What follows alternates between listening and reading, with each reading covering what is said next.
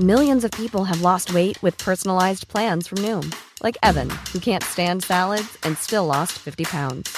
Salads, generally, for most people, are the easy button, right?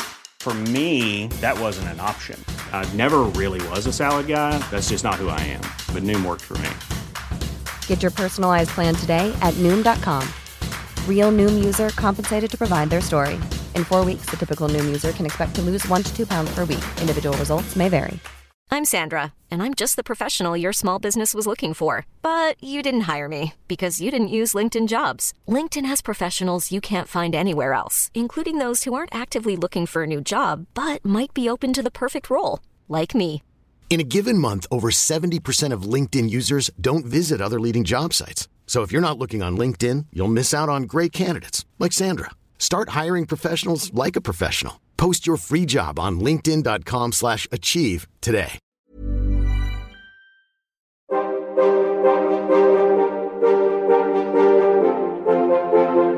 De oudheid is fascinerend. Een enorme puzzel waarvan we stukjes hebben. En heel veel stukjes ook niet. Al op de basisschool trokken de verhalen over het oude Egypte, de Romeinen, Griekse mythen, het oude China en het onderzoek naar al die oude culturen en mensen me als een magneet naar zich toe. En ik wil meer. Graag neem ik, Timo Epping, je in deze podcastserie mee op reis naar het verre verleden.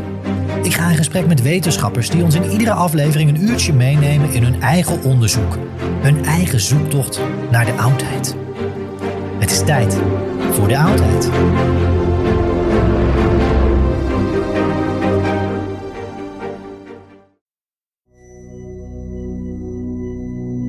Dit is de tweede aflevering van de driedelige serie die ik in Leiden opnam met professor Dr. Petra Sijpenstein van de Universiteit Leiden.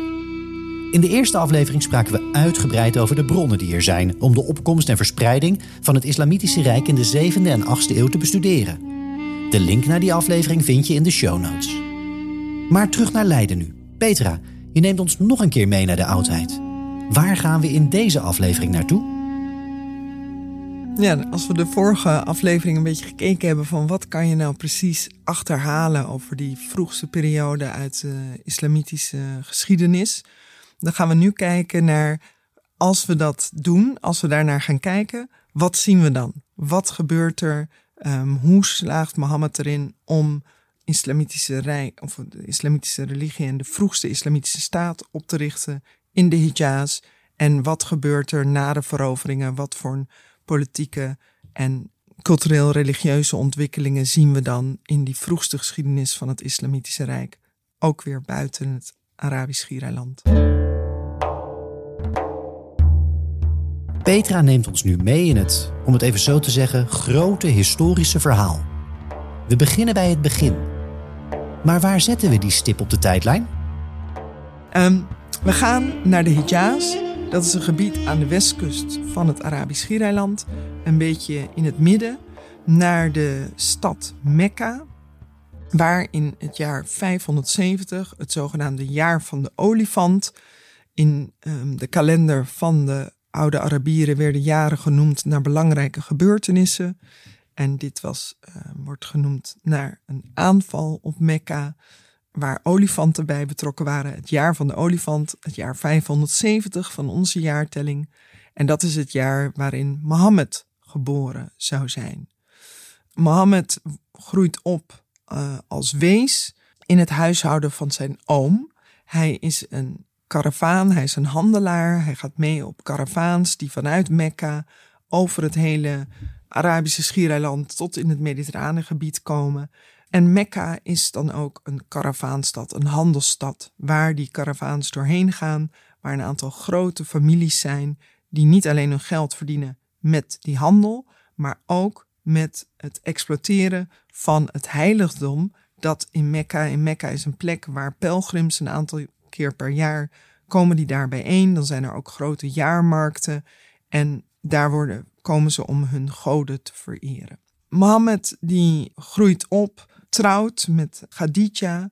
Dat is een vrouw die ook een, een handels, uh, hoe dat, handelsmissies organiseert. En hij vertrekt voor haar, blijft uitvoeren voor haar die, die handelsmissies. En als hij ongeveer 40 jaar oud is, dan hij had altijd de gewoonte, en dat, daar hebben we ook verwijzingen naar uit bronnen, uh, verwijzingen uit plekken, uh, uit die inscripties die hier en daar achtergelaten zijn op het Arabisch Schiereiland, dat mensen zich op het Arabisch Schiereiland vaak terugtrokken om te gaan mediteren in rust en afzondering. En Mohammed was dat ook, uh, was ook gewoon om dat te doen. Hij trok zich dan terug in de berggebieden rondom Mekka. En tijdens een van die sessies um, wordt hij bezocht door de aartsengel Gabriel, die hem woorden van God openbaart, een bericht. En Mohammed schrikt, zich, schrikt heel erg daarvan. Hij rent terug naar huis, naar zijn vrouw. Hij zegt, uh, helemaal sidderend, uh, legt hij zich neer naast haar. En zij vraagt, wat is er aan de hand? Nou, dit is me overkomen, maar ik denk dat ik gek geworden ben. In andere versies staat dat hij zegt, ja, mensen gaan denken dat ik, een, dat ik bezeten ben. Dat uh, ze zullen me nooit geloven en dit kan toch niet.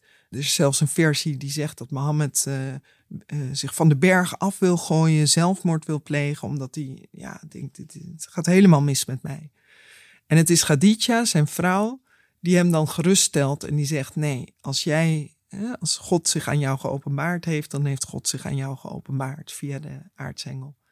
En dan klopt het. En zij is dan ook een van de eerste die zich bekeert, op die manier die zijn boodschap gelooft. En al snel zijn er ook andere mensen in zijn directe omgeving. Een paar van zijn hele goede vrienden. Uh, zijn neef, de zoon van uh, zijn oom, waar die opgroeit. Ali, die bekeert zich ook heel snel. Uh, die, die gelooft hem en die volgt hem. En die neemt alles wat hij in de, in de jaren die daarop volgen. van woorden die Mohammed krijgt van God, accepteert hij. En hij staat hem bij. En dat is wel belangrijk, want uh, wat Mohammed predikt is dat er maar één God is, dat er een laatste dag is uh, die daar aankomt, waarbij alle mensen beoordeeld zullen gaan worden op hun daden en dat je dus tijdens dat je moet zorgen dat je rekening op orde is. En wat betekent dat je rekening op orde is? Dat je doet wat God heeft voorgeschreven. En dat zijn de elementen die we ook kennen uit het Jodendom en het Christendom. Want die ene God is inderdaad dezelfde God als die van de Joden en van de christenen. Dat is namelijk de God van Abraham. De God van Abraham. De religie van Abraham. Dat is waar Petra in de eerste aflevering al even naar verwees. En waar nadere toelichting op een later moment nog zou volgen. Daar vervolgen we dit interessante verhaal nu dus mee. In de um, woorden die aan Mohammed geopenbaard wordt, wordt hem opgedragen om terug te gaan naar de religie van Abraham. Om de religie van Abraham te herstellen. Die dezelfde religie met een openbaring, woorden van God, waarin de regels van God uh, vastgelegd zijn, zijn immers geopenbaard aan het volk, van de, aan het Joodse volk, maar die hebben zich niet gehouden aan de afspraken met God. En die hebben de boodschap, de woorden van God gecorrumpeerd in hun Torah staan, hè, dat is wel gebaseerd op diezelfde uh, woorden die nu ook in de Koran staan, maar die zijn daar vertekend, verkeerd weergegeven. En hetzelfde is gebeurd met de christenen, volgens deze versie die aan Mohammed geopenbaard wordt. Die hebben ook dezelfde boodschap gekregen van God, maar die hebben dat ook vercorrumpeerd, die hebben het niet goed doorgegeven en die leven het, leven het vooral niet goed na in deze tijd. En vandaar dat God nog één keer zijn boodschap nu geopenbaard heeft via aan Mohammed voor de Arabische bevolking. Om nog één keer te proberen om tot een juiste versie van uh, de regels en de wereldorganisatie te komen. Mohammed moet de religie van Abraham herstellen. En dat begint ermee dat hij het heiligdom dat Abraham ooit in Mekka opgezet heeft, het altaar dat hij daar gemaakt heeft, dat hij dat weer in ere moet herstellen en moet maken tot een altaar dat voor die ene God dient. En waarom had Abraham in Mekka een uh, heiligdom gemaakt? Daarvoor moeten we weer terug naar het leven van Abraham. Gedeeltelijk kennen we dat. Hè, komt het overeen met de versie die we kennen over het leven van Abraham uit het Oude Testament. Maar gedeeltelijk zit er ook een, een islamitische draai aan het verhaal. Wat is dat dan precies?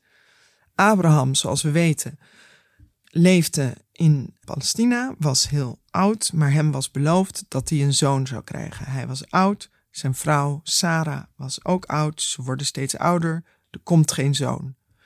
Sarah zegt tegen haar man Abraham: Ik ga geen kind meer krijgen.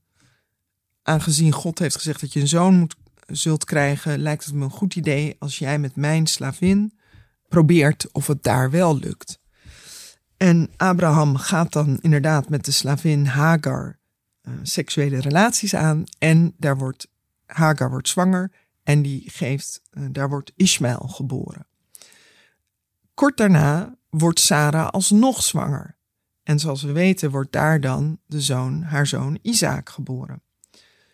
Op dat moment vindt Sarah het niet meer zo leuk dat er nog hè, dat Hagar en Ismaël ook in het huis rondlopen. En ze vraagt aan Abraham: kan je niet van hen, hè, kan je niet even hen uh, nou, ergens anders parkeren? En Abraham doet dat dan. En nu gaan we over naar de islamitische versie. Ook in het Oude Testament brengt hij Hagar en Ismaël weg. Maar in de islamitische versie brengt hij Hagar en Ismaël weg naar het Arabisch Giereiland. Om precies te zijn, naar Mekka. En daar laat hij ze achter. En dan in de woestijn. Um, ze dreigen van dorst om te komen. Hagar moet rennen naar een bron, terug naar Ismaël om haar water te geven. En dan helpt God hen en laat hen overleven. Abraham bezoekt Ismaël en Hagar geregeld in Mekka. En tijdens een van die bezoeken, als Ismaël al behoorlijk een stukje ouder is geworden, dan bouwt hij daar een altaar. En dat is het altaar van Abraham in Mekka dat Mohammed weer moet herstellen.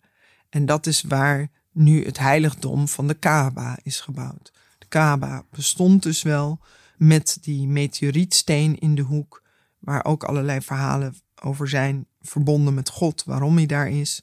Maar dat die Kaaba, dat gebouwtje bestond er al.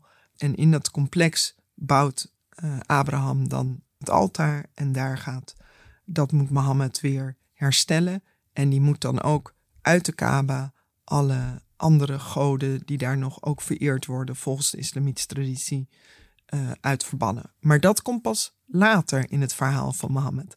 Want eerst begint hij te prediken over die ene God, de God van Abraham. En hoe belangrijk het is dat alleen die ene God aanbeden wordt, niemand ernaast.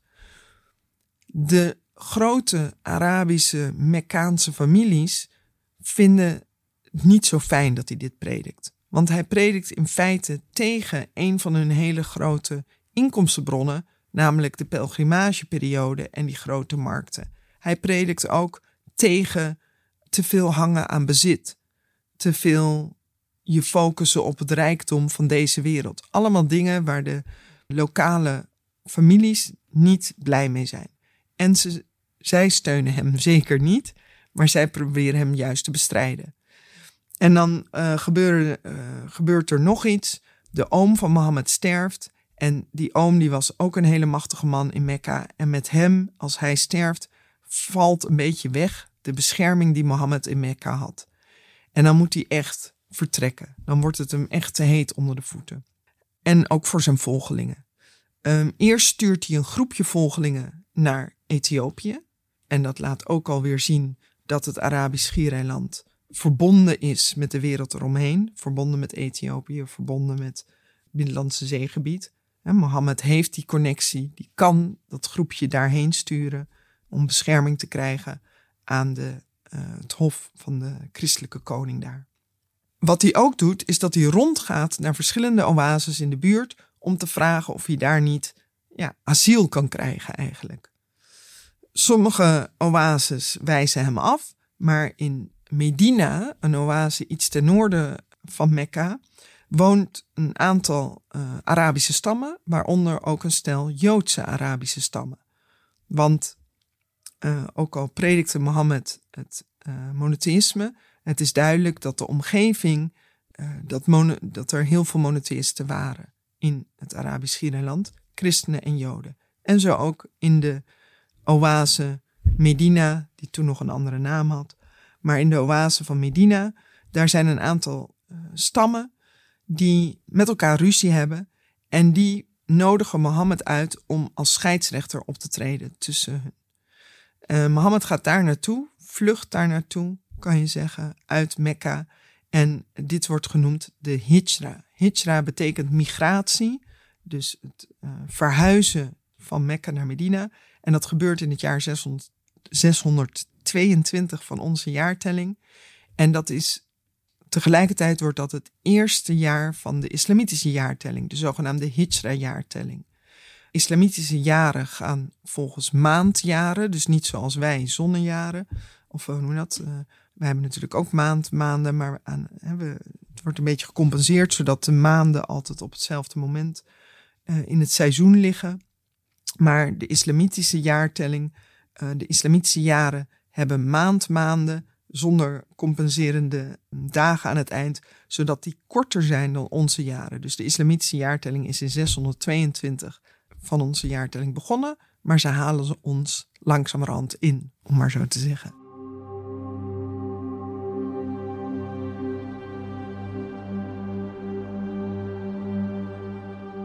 Mohammed is dus vertrokken uit Mekka en verplaatst zich na enige omzwervingen naar Medina, gelegen in het huidige Saoedi-Arabië. Petra gaf aan dat hij daar een soort politiek leider wordt. Maar wat houdt dat precies in? Wat ging hij daar doen? Um, dan is Mohammed in Medina. En daar wordt hij uh, een politiek leider. Hij wordt gevraagd om dus de vrede te bewerkstelligen tussen die verschillende stammen. Hij heeft ook daar, als hij aankomt, een verdrag getekend. Er wordt een verdrag getekend tussen de Joodse stammen, tussen de moslims en tussen de volgelingen, waarbij vastgelegd wordt dat iedereen zijn eigen religie mag houden, dat iedereen de dingen mag organiseren volgens eigen tradities, maar wel dat ze allemaal elkaar moeten steunen in oorlog en, ook, uh, en dat ze Mohammed moeten erkennen als de belangrijkste scheidsrechter tussen hen. En dit, dit verdrag is vastgelegd uh, in bepaalde historische geschriften. En iedereen is het er wel over eens dat dat een historisch document is zoals we dat hebben. Dus dat is een van die kleine momenten dat je een historisch document ingebed hebt in die latere historische teksten. Vanuit in Medina wordt Mohammed een staatsman. Hij, daar krijgt hij ook de openbaringen van God die gaan over alle praktische zaken, over erfrecht, over de organisatie van, van een staat, over allerlei uh, vragen daarover.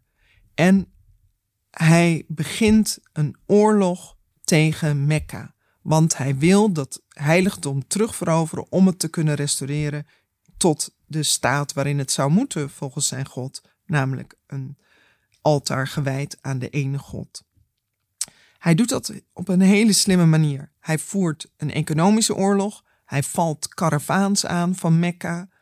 Uh, hij weet precies hoe belangrijk dat is. Hij onderhandelt ook. Hij is duidelijk een hele goede diplomaat die bezig is, hè, die, die uh, als hij één keer, niet elke veldslag voorover, of dat, wint hij.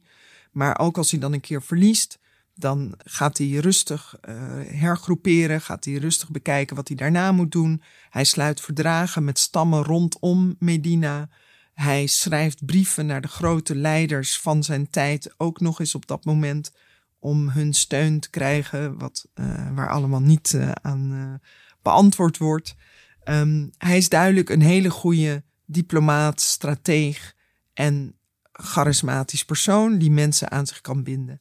En uiteindelijk, hij sluit eerst, zijn macht wordt steeds groter, de Mekkanen kunnen niet meer om hem heen. Hij sluit dan een verdrag waarbij ze gedeeltelijk dingen in Mekka mogen doen, de moslims. De Mekkanen trekken zich terug en een paar jaar later wordt Mekka echt, komt in zijn macht. En dan leidt hij nog de laatste, en je kunt zeggen de eerste volledige islamitische pelgrimagetocht naar Mekka, waarbij allerlei onderdelen die hij doet tijdens die pelgrimage nog steeds het model zijn voor wat de pelgrims die vandaag de dag naar Mekka gaan uh, tijdens de jaarlijkse pelgrimage, wat die doen. En dat volgt in de voetstappen van Mohammed tijdens zijn laatste vaarwelpelgrimage. En hij sterft dan in 632 in de armen van zijn favoriete vrouw Aisha. En dan moet er een opvolger komen voor de jonge islamitische gemeenschap, die op dat moment uh, het Arabisch Schiereiland, alle Arabische stammen op het Arabisch Schiereiland hebben zich aangesloten, Mekka, Medina hebben zich aangesloten, of uh, hoe dat staan onder controle van het islamitische heerschappij.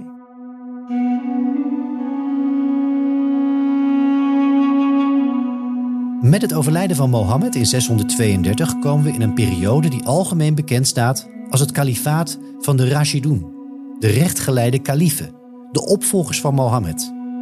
Maar hoe werkte die opvolging? Wie moet de opvolger worden? Er zijn, Mohammed laat geen levende zonen achter. Hij laat een stel dochters achter. En dat zou één manier zijn om te kijken naar de oudste zoon van Mohammed. Maar die is er niet. Tegelijkertijd is er op het Arabisch Schiereiland een traditie, met name onder die stammenstructuur, om de opvolging te regelen. Niet van vader op oudste zoon, maar uh, gewoon elk mannelijk lid van dezelfde familie. En als Mohammed sterft, dan zijn die vroegere Mekkaanse families, die zich ondertussen door Mohammed onderworpen zijn en zich aangesloten hebben bij Mohammed, die gaan al snel, um, staan die bij elkaar en die benoemen uh, een, een, vroege volgeling van Mohammed en een, nauwe vriend benoemen ze als zijn opvolger. Dit laat zien dat eigenlijk in die vroege islam die grote Mekkaanse families al heel snel weer de dienst uitmaken. En dat blijven we zien. Zij behoren tot de zogenaamde stam, overkoepelende stam van de Quraysh. En de Quraysh is de stam die tot, nou ja, totdat de, de Ottomanen het kalifaat overnemen, de kalif leveren. Dus altijd is de kalif iemand die afstamt van de stam die in Mekka heerste. Ook als de hoofdstad in Bagdad ligt of in Damascus of waar dan ook, waar ze daarna liggen. Dat idee dat de, de leider van de islamitische gemeenschap tot die Quraysh moet behoren, blijft een gegeven. Um, en dat laat ook wel weer zien dat die verwevenheid met islam en de verbinding met het Arabisch Schiereiland, die blijft gewoon ook altijd heel belangrijk. Net zoals het Arabisch, waarin de Koran geschreven is, essentieel is. Je kunt bepaalde handelingen als moslim alleen maar in het Arabisch uitvoeren. Als je de gebeden doet die je vijf keer per dag moet doen, dan moet je daar Koran reciteren en dat kan je alleen maar doen in het Arabisch. Want volgens de islamitische uh, idee is de, het is de Koran is een weergave van Gods woord direct zoals het aan Mohammed geopenbaard is, vastgelegd in de Koran. Dus dat kun je niet, daar kun je ook niet de taal van veranderen. Je kunt wel vertalingen gebruiken van de Koran om de tekst van de Koran beter te begrijpen, maar als moslim moet je bepaalde dingen in het Arabisch doen. En de kalif behoort altijd tot de Quraysh-stam. Dus ook als de islamitische wereld vertrekt buiten het Schiereiland, heb je die binding nog steeds met de Arabische kerngebied. Die kern blijft. Die kern blijft, precies. Net zoals natuurlijk de pelgrimage naar Mekka later gedefinieerd was als een van de vijf plichten voor elke moslim als ze het zich kunnen veroorloven en fysiek ertoe in staat zijn om dat één keer in hun jaar in hun leven te doen. Ook natuurlijk een directe verbinding met het Arabisch Schiereiland en met de Hijaz behoudt. En die, die pelgrimage die blijft, die is, die is essentieel vanaf het allervroegste begin. Dat is wel duidelijk. Dus de eerste opvolger van Mohammed van de Quraysh-stam leeft niet heel erg lang. Zij blijven heersen vanuit Medina. En dan krijgen we onder zijn opvolger, um, dus we hebben Abu Bakr was dit de eerste, en dan krijgen we Omar. Onder de, onder de kalif Omar beginnen de grote veroveringen buiten het Arabisch Schiereiland. En dan wordt Egypte, het Sassanidenrijk, het Perzische Rijk, dus Irak en Iran worden veroverd enzovoort. Die kalifen die blijven in Medina. Na Omar krijgen we de kalif Othman. En de kalif Othman hoort, uh, is belangrijk, die zit ook in, in Medina. Waarom is hij een hele bekende? Omdat hij begint, hij is de eerste die de Koranische versen, die tot op dat moment door alle mensen uh, bewaard zijn gebleven. Die, die, hè, de, Mohammed kan volgens de islamitische traditie kon niet schrijven. Dus elke keer als hij een nieuw vers geopenbaard had gekregen, ging hij naar zijn gemeenschap en deelde dat vers met hen. Sommigen hielden dat, onthielden dat, hè, leerden het uit hun hoofd. Anderen schreven het op. Maar, uh, en het is onder de kalif Othman dat hij begint, of dat hij een, een, een, een versie creëert van de Koran, die door, door hij, benoemt een commissie die dat moet uh, uh, vastleggen. En dat wordt dan de, de, de standaard Koranische tekst, zoals we die nu eigenlijk, zoals we die nu nog steeds kennen.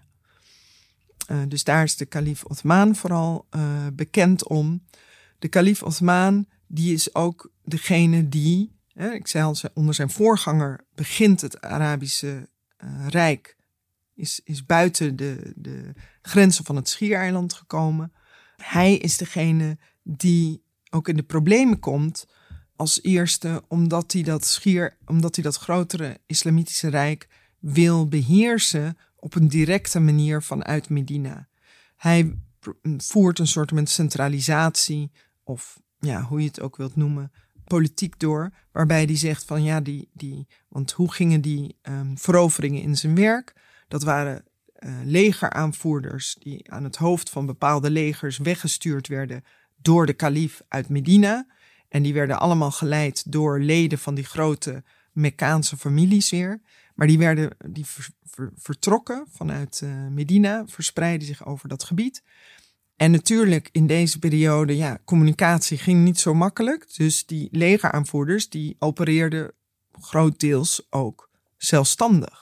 En we hebben daar verschillende anekdotes die dat ook wel bevestigen. Dat we bijvoorbeeld de veroveraar van Egypte, die is op weg door wat nu het, de, de Sinaï-woestijn is, op weg naar Egypte, uh, op weg naar Alexandrië, uh, of althans naar een Romeins fort Babylon aan de, de, voet van de delta. En hij is daarnaar op weg, want hij had al gepleit, al lang bij de kalif, uh, mag ik alsjeblieft, bij de kalif Omar op dat moment, mag ik alsjeblieft Egypte veroveren? Ik ken dat van mijn karavaantochten, dat is een heel rijk land, dat gaat ons heel veel opleveren, lijkt, ons, lijkt me een heel goed idee. En Omar zegt van, nou oké, ga dan maar. Waarom aarzelt hij een beetje? Omdat hij denkt van ja, als zo'n generaal zo'n belangrijk land verovert, hoe ga ik hem dan nog onder controle houden? Uh, Ammar is op weg uh, door de Sinai-woestijn. Hij ontvangt dan een brief van de kalif Omar. En hij vermoedt dat die brief zegt, je mag niet, toch niet Egypte veroveren. En wat doet hij dan? Dan houdt hij die brief dicht. Hij reist een beetje verder en dan zegt hij, ik ga hem openmaken. Of misschien had hij hem al gelezen, want het is wel heel specifiek. En dan maakt hij die brief open en dan leest hij hem voor aan zijn troepen. En wat staat er in die, in die brief? Die staat, als je al zo ver gekomen bent dat je deze bepaalde stad in de richting van Egypte voorbij bent gekomen. Dat was precies de stad waar ze net voorbij waren gekomen. Dan moet je maar doorgaan in Egypte veroveren. Als je er nog niet bent, en de, hij was er nog niet op het moment dat hij die brief ontving, mag je niet doorgaan. En het laat, het is een totaal, nou ja, we weten niet of dit historisch is natuurlijk, maar het laat zien die spanning tussen die kaliefen die die verovering, hè, die, die vanuit hun hoofdstad dat rijk proberen te controleren en hun verschillende gouverneurs of generaals slash gouverneurs onder controle te houden. En het is die kalif Othman, die derde kalif, derde opvolger van Mohammed, die in Medina zit, die daar ook mee worstelt. En die zegt, ja, ik vind het ik wil eigenlijk dat jullie meer belasting gaan sturen vanuit die veroverde provincies naar mij toe. Waarom was dat een probleem? Omdat de veroveraars, de, de, niet alleen de generaal, maar ook al zijn troepen, die hadden tot dat moment een, een, wel een bedrag gestuurd naar Medina, maar die hadden vooral alles onder elkaar verdeeld.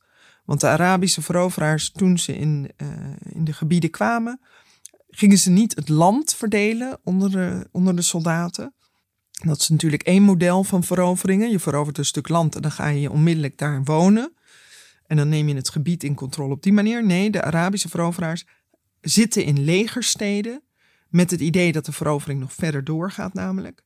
Daar zitten ze en ze gebruiken de belastingen die betaald worden door de lokale bevolking om soldij te betalen aan die soldaten. Dus die soldaten moeten per se ook niet geld gaan verdienen op een andere manier wordt hen eigenlijk ook verboden. Ze mogen geen boeren worden. Ze moeten in die garnizoensteden blijven, want de verovering is nog lang niet afgelopen. Het Islamitische Rijk wordt uitgebreid. De soldaten zitten in speciale garnizoensteden en moesten paraat blijven staan. De veroveringen waren nog niet afgelopen, zoals Petra aangaf. Maar wat was het plan vanuit Medina? Waarom waren de veroveringen nog niet afgelopen? De verovering het heeft een theologische uh, reden. Het is wel duidelijk dat, en dan komen we ook bij waarom gebeurden die veroveringen eigenlijk? Waarom gingen ze überhaupt het Schiereiland af?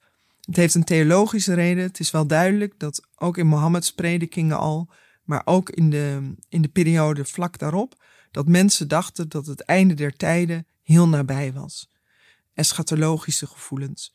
En dat voordat het einde der tijden kwam en, en de laatste oordeel, de laatste dag zou plaatsvinden, moest, zoals ik al zei, moest, we zorg, moest, moest er gezorgd worden dat de wereld georganiseerd was en geregeerd werd volgens Gods regels. Nou, hoe kon je dat doen? Door natuurlijk zo snel mogelijk de wereld te veroveren, zodat je daar kon bepalen hoe die geregeerd werd, namelijk volgens Gods regels. Dus er is een heel erg gevoel van we moeten nu zo snel mogelijk de wereld veroveren, zorgen dat Gods regels daar heersen. Dat betekende niet dat iedereen moslim moest worden, maar de wereld moest georganiseerd worden volgens Gods regels. En Gods regels bepaalden ook dat er mensen konden leven onder Gods regels die niet moslim waren. Maar zo snel mogelijk. Dat was één reden waarom die veroveringen door moesten gaan en waarom die Arabische soldaten in die legerkampen moesten blijven zitten, zodat ze daar hun veroveringen konden voortzetten. Een andere reden was gewoon dat die veroveringen heel goed gingen. Die liepen heel goed. Dus er waren inkomsten, er kwam buit binnen, mensen die meededen aan die veroveringen dat groeide ook. Hè. Onderweg namen ze mensen mee. Uh, met name in het begin, uh, want in, in, in de Levant woonden al heel veel Arabische, uh, was de bevolking al voor een groot deel Arabisch voordat die veroveringen plaatsvonden. christelijke Arab Arabieren woonden daar. Dus die sluiten zich aan bij de Arabische veroveringslegers, maar ook anderen. Want als het succesvol is, dan wil je daarbij horen. Dus het groeit. Dus vandaar dat die, ja, waarom zou je stoppen als het goed doorgaat? Dus die veroveringen moeten doorgaan. En die veroverende soldaten, die gebruikten dus de inkomsten van de belastingen van de gebieden die ze veroverd hadden, om onder elkaar te verdelen en om daarvan te leven, zolang ze, hè, zolang ze aan het vechten waren. De kalif Othman zegt: Ik wil meer van dat geld, van die opbrengsten van die provincies hebben. De mensen uit de provincies zijn het daar niet mee eens. Ze komen verhalen halen in Medina, uit Irak en uit Egypte. Komen ze naar Medina, ze zeggen, ze onderhandelen met de kalif Othman en die stuurt hen weg met de belofte dat ze inderdaad, hij zal het een beetje dimmen. Hij zal niet zo erg proberen om al dat geld en controle over de provincies te houden. Ze mogen meer zelfbestuur. Maar terwijl die twee delegaties vertrekken, stuurt de kalif Othman boodschappers naar zijn gouverneurs in Irak en Egypte met de boodschap: zodra die rebellen, zoals hij ze noemt, aankomen, moet je zorgen dat, we, dat ik nooit meer iets van ze hoor. Die brieven worden onderschept en deze groepen keren onmiddellijk terug naar Medina, belegeren de kalif en vermoorden hem. Dat was de derde opvolger van Mohammed. Dan krijgen we de vierde. En de vierde opvolger is Ali. En Ali zijn we al tegengekomen, want dat was de neef van Mohammed ondertussen ook getrouwd met een van zijn dochters, Fatima, en een van de allervroegste bekeerlingen tot de islam. Iemand die eigenlijk al heel vroeg, en ik heb, ik heb nu geschetst alsof die kalifen, alsof daar helemaal geen discussie was, maar elke keer als er een kalif benoemd werd, waren er wel degelijk mensen die vonden dat er andere kandidaten waren die eigenlijk beter waren, beter geschikt waren. En Ali is vaak, wordt er, hè, waren er mensen, al helemaal in het begin, die dachten, moet Ali niet gewoon de opvolger worden? Want die stond zo dicht bij Mohammed. Die heeft zoontjes, hij had twee zoontjes die nog op de knieën van Mohammed, hoe dat, uh, hobbelpaardje hebben gespeeld. Hij moet toch zeker de opvolger van Mohammed worden. Maar elke keer waren er dan weer andere partijen die, die, die een andere kandidaat uh, de winnaar maakten. Maar nu wordt Ali het wel. de verschillende aanhangers of leden van de familie van zijn voorganger, kalif Othman, roepen eisen van Ali dat hij wraak neemt op de moordenaars van Othman. Ali is bezig met andere dingen. Hij beantwoordt niet op, althans dat is het excuus van de mensen die roepen om uh, wraak op die moordenaars. Dat doet hij niet snel genoeg. En met name de vertegenwoordigers van degene die om die wraak roepen, is een gouverneur, is de gouverneur van Damascus, Muawiyah. En Muawiyah is een van uh, Ibn Sufyan. Sufyan, zijn vader, was een grote tegenstander van Mohammed. Heeft hem naar het leven gestaan, om maar zo te zeggen. Maar heeft zich uiteindelijk, toen Mekka veroverd was, uh, aangesloten. En Muawiyah is een familielid van Othman. Eist dat um, Ali wreekt, hè, is de grootste woordvoerder van die eis dat Ali iets doet aan de moordenaars van Othman. Maar Muawiyah is ook zelf gewoon een hele ambitieuze uh, bestuurder. En het is wel duidelijk dat hij aanstuurt op een conflict met Ali, waarvan hij zelf heel erg hoopt beter te worden. Hij wil namelijk gewoon het leiderschap van de islamitische gemeenschap overnemen. En dat hij hem op deze manier provoceert en uitdaagt. En Ali vertrekt dan met een leger om Muawiyah een, een toontje lager te laten zingen. En dan staan die twee legers tegenover elkaar. En dan wordt er, wordt er een, ehm, een roep gedaan om het niet uit te vechten, maar om het uit te praten. Ali gaat daarmee akkoord. En dan zijn er, gebeuren er twee dingen. Het ene is dat uh, Muawiyah's vertegenwoordiger duidelijk, um, dat is eigenlijk dezelfde die we net tegen waren gekomen. Dat is namelijk de veroveraar van Egypte, Amr, die toen ook al zo sluw met die brief omgegaan was. En die nu ook heel duidelijk voor Muawiyah veel beter de onderhandelingen leidt, om maar zo te zeggen. En de vertegenwoordiger van Ali, ook al leek hij aan de winnende hand te zijn, de, de, hij verliest een beetje de grip op het voordeel. Tegelijkertijd is er in Ali's aanhang in zijn leger een groep die zegt: je had nooit moeten toegeven, je had nooit moeten instemmen met dat overleg. Je had het gewoon moeten uitvechten. Dan had God namelijk laten zien wie, hè, welke kant hij steunde. En nu heb je je zeg maar onderworpen aan een soort menselijke regel door te onderhandelen en ben je, heb je Gods oordeel opzij gezet. En een van die aanhangers die vermoordt dan Ali. En dan is het duidelijk dat Muawiyah, om al die redenen die ik net noemde, de macht grijpt. Die is gouverneur van Damascus en die wordt dan benoemd zichzelf, wordt benoemd door zijn troepen, uh, zijn aanhangers, tot kalif, de volgende kalif. Hij blijft in Damascus zitten. Dus dan verschuift de hoofdstad van het Islamitische Rijk van Medina naar Damascus. En hier eindigt voor nu het tweede deel van deze reis met professor Dr. Petra Sijpenstein naar de 7e en de 8e eeuw, waarin de opkomst en verspreiding van het Islamitische Rijk centraal staat. Over niet al te lange tijd gaan we verder met het laatste deel van dit verhaal.